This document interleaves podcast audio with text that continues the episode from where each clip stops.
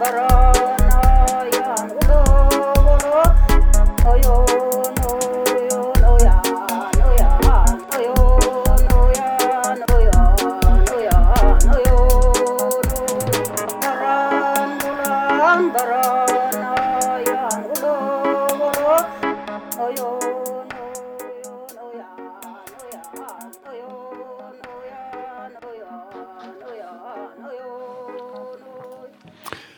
Welcome for this podcast in the Circumpolar Music Traditions series from Nord University and the University of Arctic.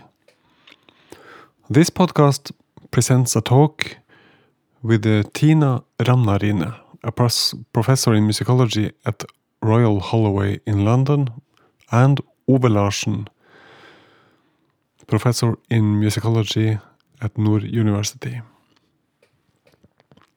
Tina will be talking about Finnish folk music, uh, especially new trends in folk and traditional music.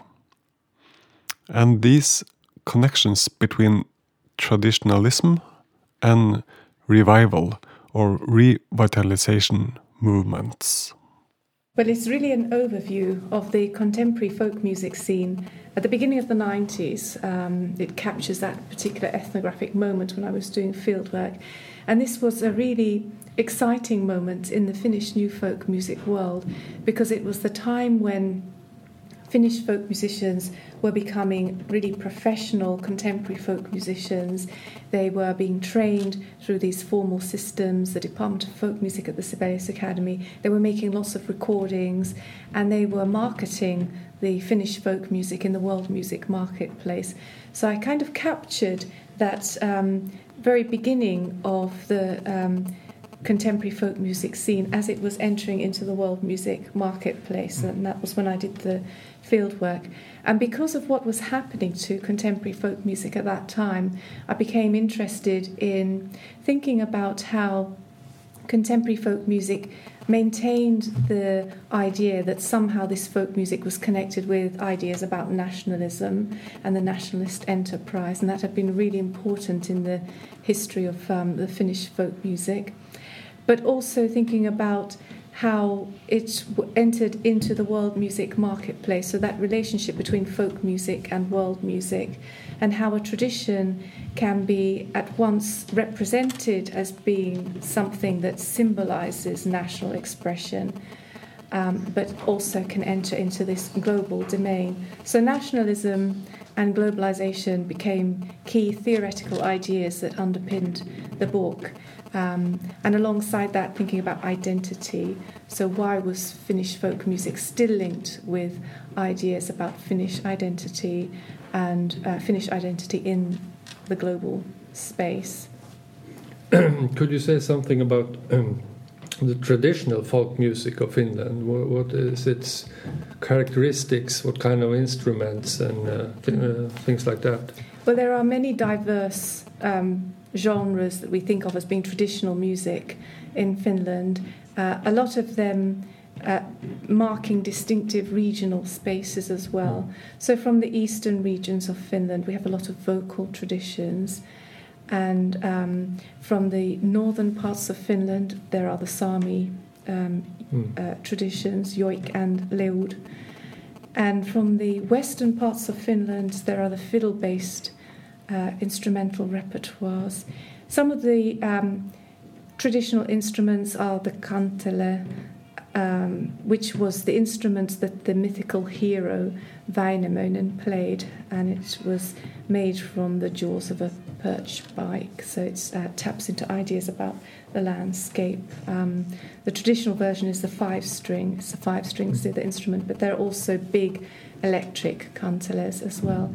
And instruments like the jouhikko, which is um, a bowed lyre and is found in other um, uh, parts of that um, geographic space, like in Estonia, there's a very similar bowed lyre instrument.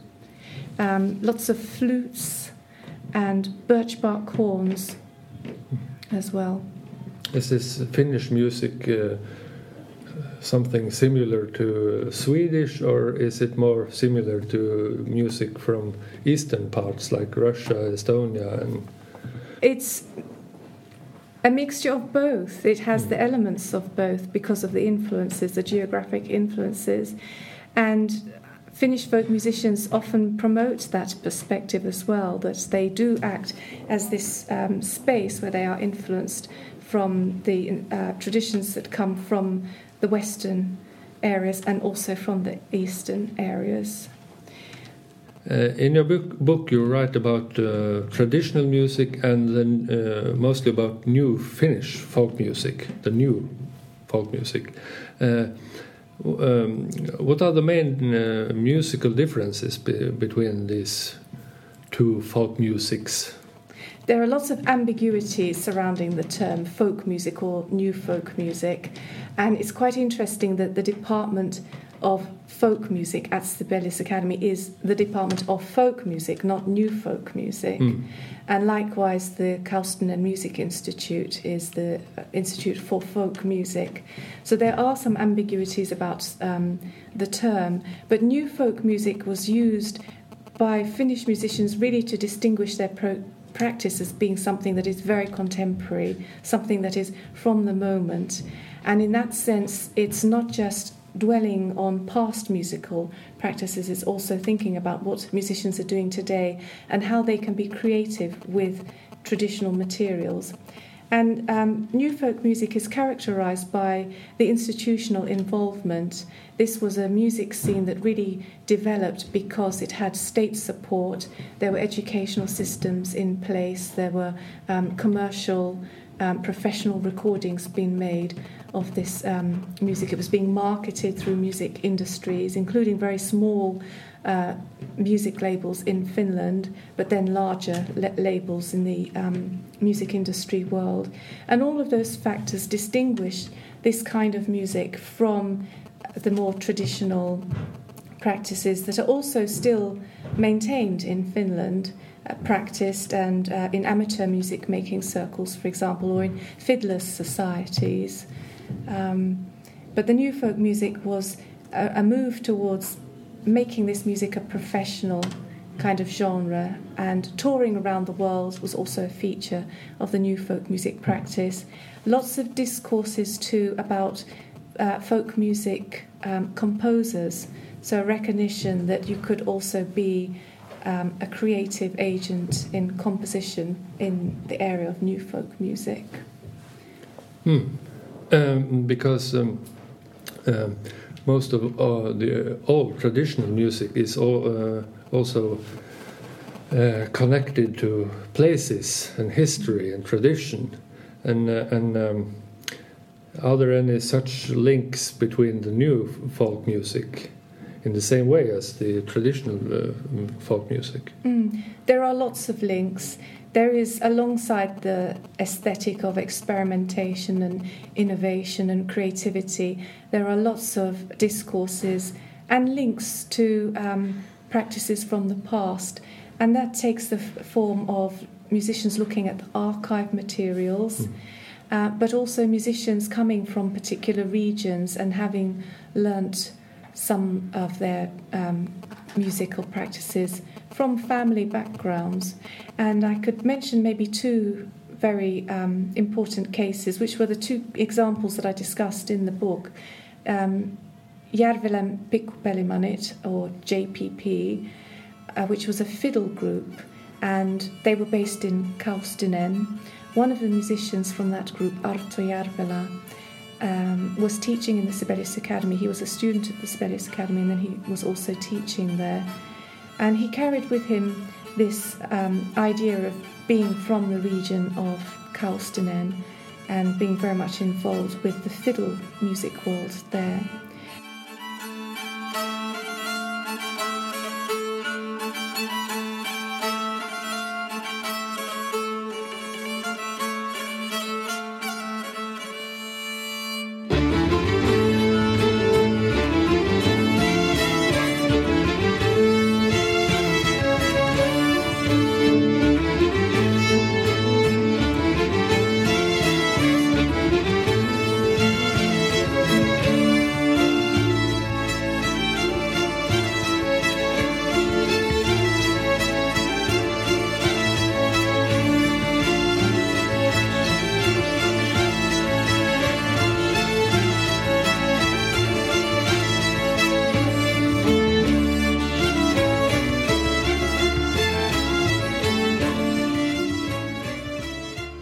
Another group, Värttinä, who were exploring the vocal musical traditions from the eastern regions of Finland, and there are very clear connections between their contemporary song texts and traditional ones. So you can interpret some of their song texts in relation to traditional Karelian imagery, for example. The rune, rune songs. Yeah, the rune, um, rune songs. Mm.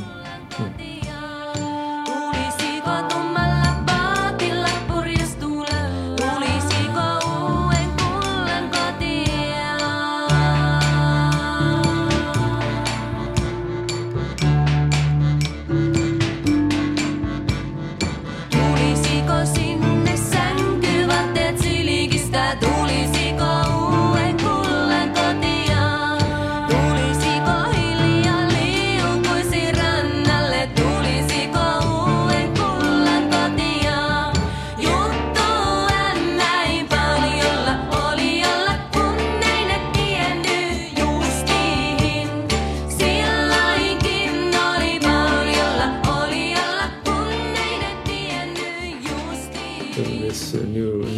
Music uh, relates very much to world music.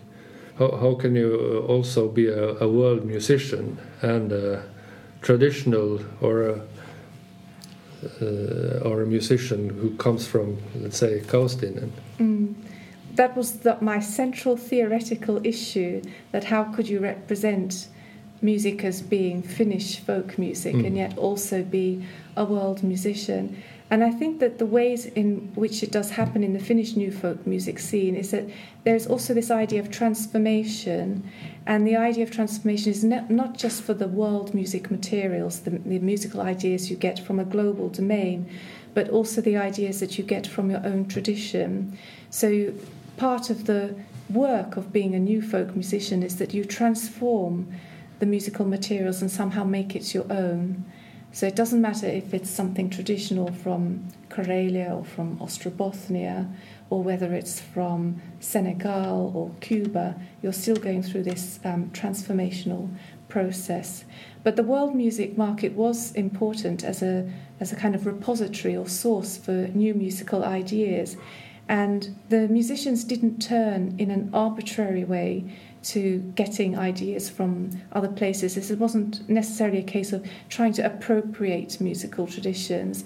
It usually happened, um, at least when I was doing my fieldwork there, that there were actually musicians who they encountered from Cuba or from Senegal or from Estonia. And it was um, an everyday process of creative interactions being inspired by other musicians, trying out those ideas in relation to their own um, practice as well. So, an example would be um, the Kantele musician Arja Kastinen, who was also um, looking at Cuban rhythms, and she was thinking about how she could reinterpret some of Väisänen's Kantele transcriptions, the rhythmical features of those in relation to the insights that she was getting into Cuban mm. rhythms. Um, and it, it's that kind of process that allows these other musical ideas from a global domain to enter into the Finnish traditional practice as well.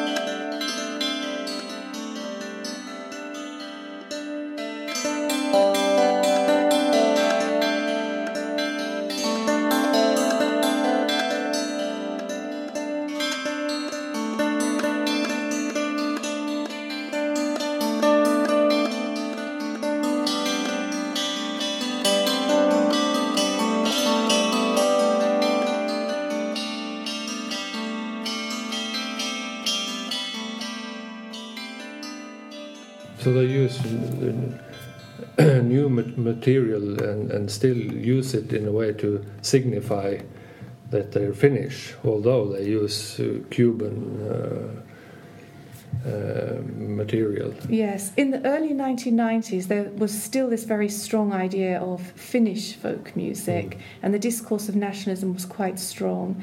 Later on, there were some other interesting developments. So there was, uh, in a way, a move away from nationalism and the idea of Finnishness, and there were.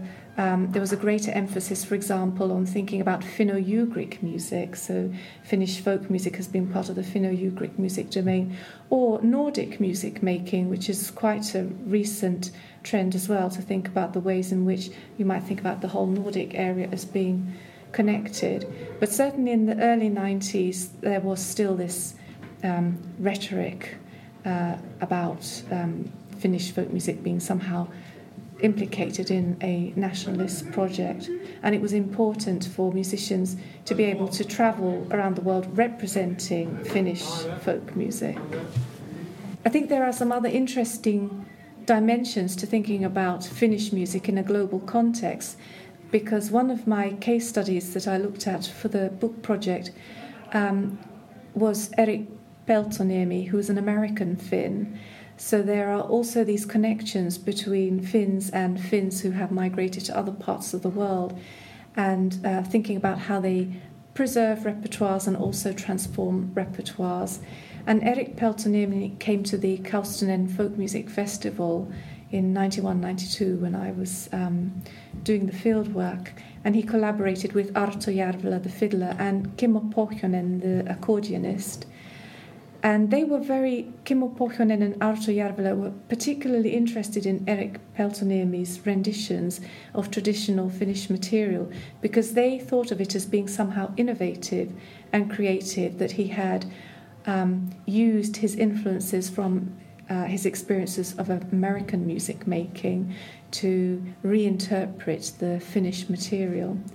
Eric Peltoniemi, on the other hand, felt that yes, he was of course inspired by um, all of the sound worlds uh, that had shaped his musical practice, but he also saw himself as you know performing this material as um, as Finnish material.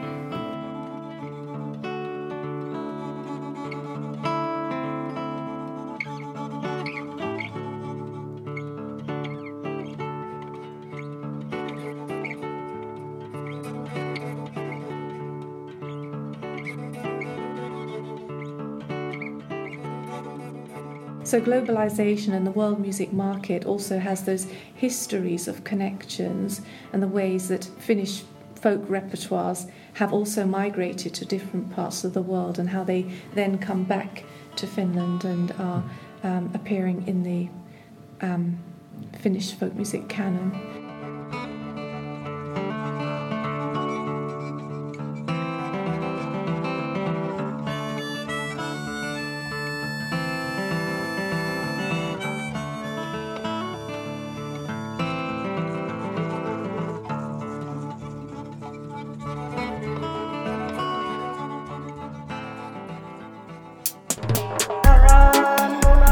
Ворон.